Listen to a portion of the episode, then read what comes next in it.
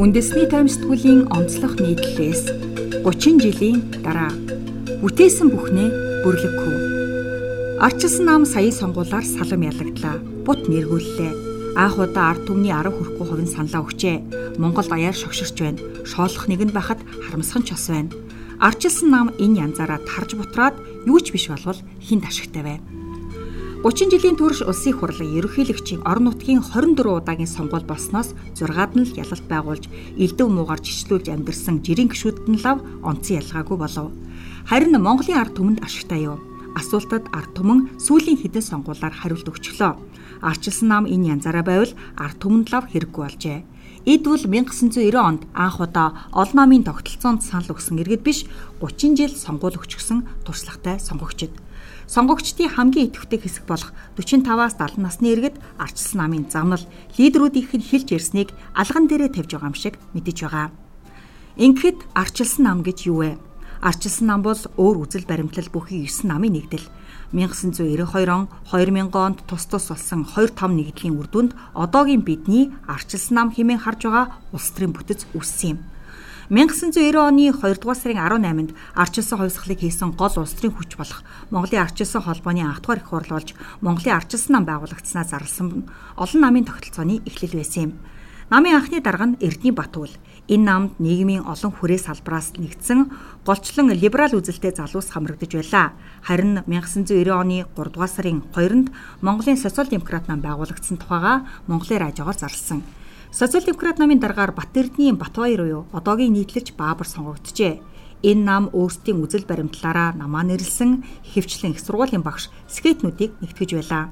90 оны 3 дугаар сарын 11-нд Монголын үндэсний дэвшлийн нам байгуулагдсанаа зарласан энэ намын анхны дарга нь Дааган болд. Энэ намд эдийн засгчид гол нэгдэж үндэсний чиг баримжаатай зах зээлийн эдийн засгийг хөгжүүлэх бодлогыг чухалчилж байжээ. Үүнээс гадна Монголын чөлөөт хөдөлмөрийн нам болон ногоо намч байгуулагдсан. Энэ хоёр нам 1992 онд Монголын арчсан холбооны иргэний арчилсан жигүүрийнхэн буюу хувьсгалын удирдагч зөрөгтэй нэгдэн Монголын нэгдсэн нам гихчиг мөн байгуулж байсан билээ.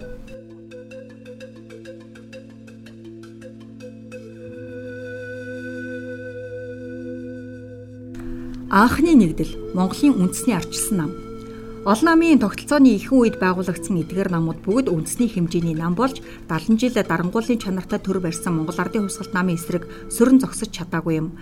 Үүнийг 1990 оны 7 дугаар сарын 22-оос 29-нд болсон анхны чөлөөт сонгуулийн дүн харуулна. Бүгд найрамдах Монгол Ард улсын ардын хурлыг сонгох анхны чөлөөт арчилсан сонгуулиар Монгол Ардын хувьсгалт нам 61.7, Монголын арчилсан нам 24.3, Монголын үндэсний дэвшил нам 594, Монголын социал-демократ нам 552% санал авчээ. Дээрх хувьд тэнцвүүлэн улсын баг хуралд суудлах байрлахад Монгол Ардын хувьсгалт нам 31, Монголын арчилсан нам 13, Монголын үндэсний дэвшлийн нам социал-демократ нам тус бүр 3 судалтай болсон. Эндээс Монголын арчилсан намд бусдаас хол илүү улс төрийн хүч болцоход байсан хинч харахад илт. Ийм ч учраас Монголын арчилсан намыг тойрсон арчилсан үзэл бодолтой хүчнүүдийн анхны нэгдэл үүсжээ. 1992 оны 10 дугаар сарын 25-нд болсон Монголын арчилсан нам, Монголын үндэсний дэвшлийн нам, Монголын шин сэрэг мандлын нам, Монголын ногоо нам нэгдэж Монголын үндэсний арчилсан намыг байгуулсан. Намын анхны тэргүүнээр даваад оржийн гам бол сонгогджээ. 3 жилийн дараа энэ нам намын даргаа сонгох улс төрийн марафоныг улс орон даяар анх удаа зохион байгуулж элбэгдөрж дааган болдыг алан намын дараагаар сонгогдсон төвхтэй. Энэ намын гол мөхөлг нь Монголын арчилсан нам байсан бөгөөд энэ хүч идэвгээ арчилсан намд гол орон зайг эзэлсэн хэвээр байна. Харин зүүнний үзэл баримтлалтай Монголын социал-демократ нам энэ анхны нэгдлийн гадна үлдсэн юм. Гэхдээ 1996 оны сонгуульд Монголын үндэсний арчилсан нам болон социал-демократ намын арчилсан холбоо эвсэлд нэгдэн оролцож түүхэндх хамгийн том ялтаа байгуулсан юм. 76 суудлын 50 суудлыг авсан түүх арчилсан хүчнүүдийн түүхэнд үгүй.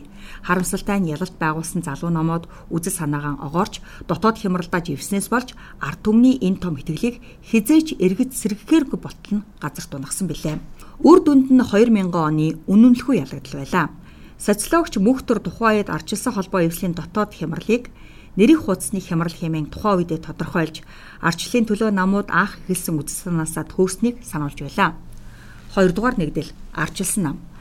Парламентэд ердөө ганц судалтай болтлоо салам ялагдсан Монголын үндэсний ардчилсан нам ялагдлын шалтгааны дотоод биш гадаад хүчин зүйлээс хайсан нь цаашдын механик нэгдлийн удирдгал болжээ. Хэдий үзэл баримтлалын зөрөөтэйч ардчилсан хувьсгалын холбоотнууд Монголын социал-демократ намтай нэгдэж улс төрийн бүр том хүчин байгуулах хэрэгтэй гэсэн лоббиг Монголын үндэсний ардчилсан намын дотор амилжээ. Энэ санаачлагыг ажил хэрэг болгоход Монголын үндэсний ардс намын гишүүн Нямживын Батбаяртай хамтран ихээхэн хичээл зүтгэл гаргаснаа тухайн үеийн социал-демократ намын генсэг Алтан хуйг дурдгалдаа бахархан бичсэн байдаг.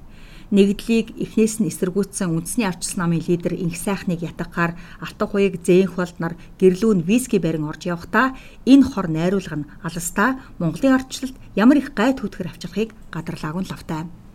Ардчилсан нам ер нь юу хийсэн бэ? Тэгвэл арчилсан намгүйгээр өнөөдрийн амьдралаа төсөөлөх гээд үзье. Бидний амьдралд өнөөдөр ил дол болсон ч 30 жилийн өмнө ердөөл мөрөөдөл төдий байсан олон зүйл арчилсан намын оролцоо манлайлалгүйгээр бий болохгүй байсан нь үнэн билээ. Арчилсан нам юу бүтээв гэд асуувал олон зүйлийг үлэглэн урших хэрэгтэй болно. Гэхдээ хамгийн чухал бүтээлүүдийн жагсаавал манай нийгмийн тулгуур багнууд сэрэж байдаг юм. Манай нийгмийн 5 тулгуур багна Арчилсан намын эхлүүлсэн арчилсан хувьсгалын үрээр монголчууд бид ямартайч энэхүү таван зүйлийг бий болгож чадсан бэлээ. Хэдий энэ нь улс нийгмийн хамтын хичээл зүтгэл хэдий ч коммунист засгаас нэхэж коммунист засгийг унгааж үзэл санааны манлайлал үзүүлэн тэмцсэн нь арчилсан нам түүнийг талархан дэмжигч хожимын гişүүд байсан нь үнэн. Арчилсан үндсэн хууль, олон намын тогтолцоо, хувийн өмч, үзэл бодлон илэрхийлэх эрх чөлөө, олон тулгуурт гадаад бодлого. Манай нийгмийн таван тулгуур багна хичнээн мушгин говьлсан кино хийгээд хөлсний бичээчдэр баллуурдуулаад арилж балардгүй түүхийн үнэн үйл хэрэг гэж байдаг. Учир нь тэрхүү үйл хэргийн үр хүүрэл болсон үзэл санаа нь хүн ардын сэтгэлд нэгэнт үндэс хаван ургаад эхэлчихсэн байдаг. Арчилсан үндсэн хууль бол Монгол улсын тусгаар тогтнолын баталгаа, үүлэн чөлөөний нар шиг тохиох цагийг олж хэлсэн арчилсан хувьсгалын хамгийн чухал үр дүн.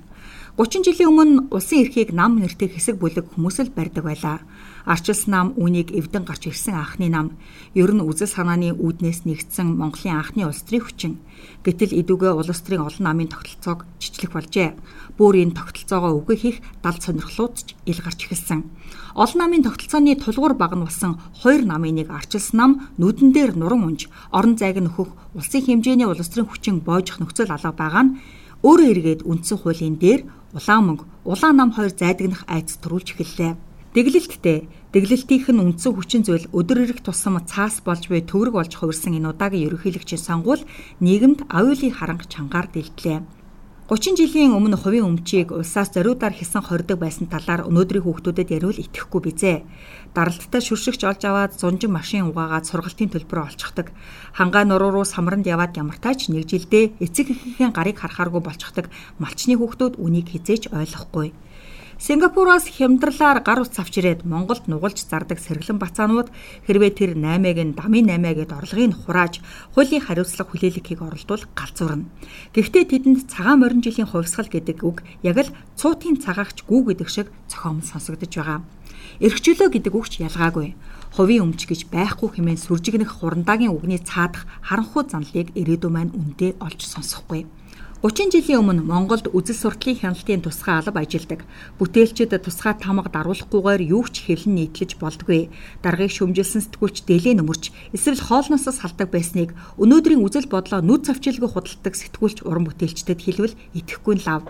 Үзэл бодлоо илэрхийлэх хэрэгчлөө цаанаа ямар их боломж баялагийг агуулж байдгийг төв талбайдаа багтаж ядан цугласан хэвлийн газруудын номын ярамгаас харж болно.